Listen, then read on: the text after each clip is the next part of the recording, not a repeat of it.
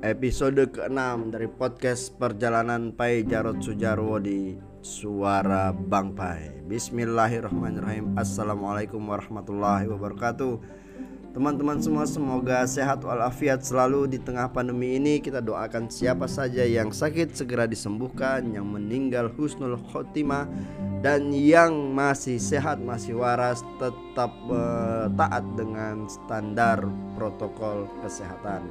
Jaga diri, jaga jarak, jaga kesehatan Tetap sehat, tetap semangat.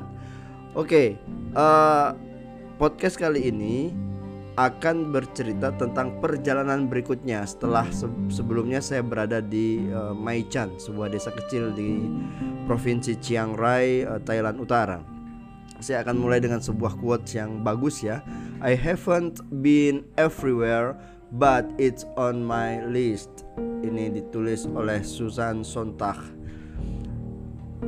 Pertama saya perlu memberitahu atau mungkin mengulangi bercerita bahwa kejadian-kejadian yang saya temui dalam perjalanan tentang ukhuwah Islamiyah justru terjadi saat saya begitu jauh dari Islam.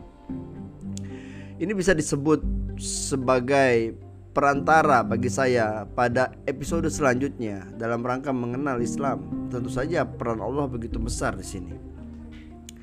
Pertama ibu asal Surabaya di Siem Reap kemudian perempuan berkerudung, pedagang roti di Maichan. Bagi sebagian orang, mobil khusus mereka yang sudah mengenal Islam itu akan terasa biasa-biasa saja.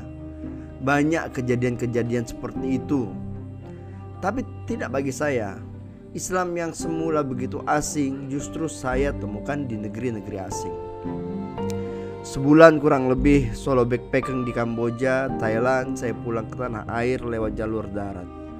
Pesawat terakhir landing di Kuching, Malaysia. Menginap semalam di rumah server lokal, bertemu dua orang Jerman, kami berdiskusi tentang pluralisme.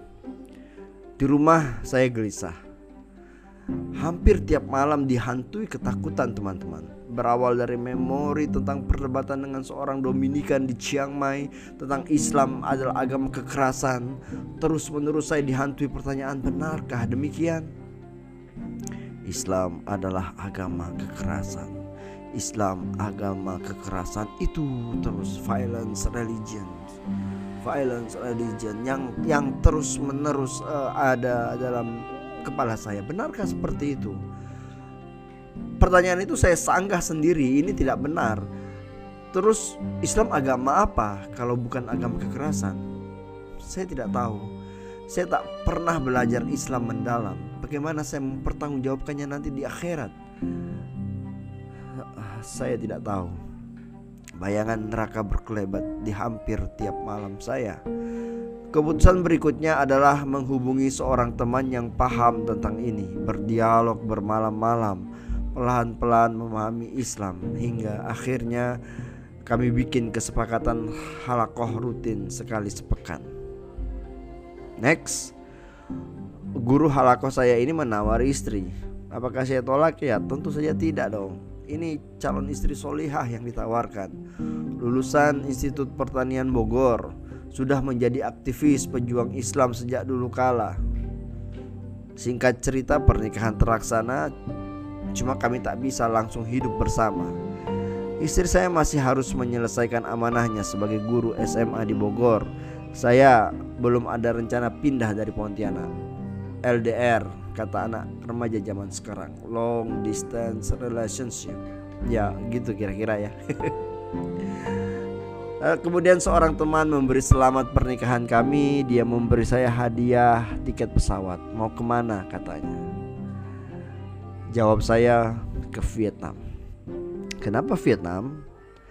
Nah ini menarik Sebab negara itu masih menerapkan ideologi komunisme juga ada sejarah panjang tentang kebesaran Islam di kerajaan Champa. Saya sudah punya maklumat bahwa Islam adalah sebuah ideologi atau lebih tepatnya sebuah mabda way of life. Saya sudah punya tekad untuk menjadikan dakwah sebagai poros dalam hidup ini. Nah, uh, saya ingin bertemu dengan ideologi negara yang lain gitu. Saya berangkat ke Vietnam. Setelah sebelumnya melakukan riset kecil di internet juga melakukan komunikasi dengan orang lokal via couchsurfing. Beberapa lembar pakaian, travel dokumen, buku bacaan masuk dalam backpack.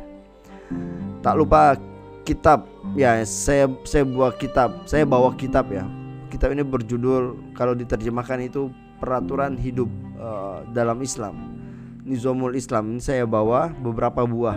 Sengaja saya beli beberapa buah saya bawa. Untuk apa? Tanya guru ngaji saya waktu itu. Saya jawab siapa tahu bisa kontak orang dalam perjalanan. Rutenya Pontianak Kuala Lumpur Ho Chi Minh Phnom Penh Kuala Lumpur Pontianak. Seperti apa kisahnya?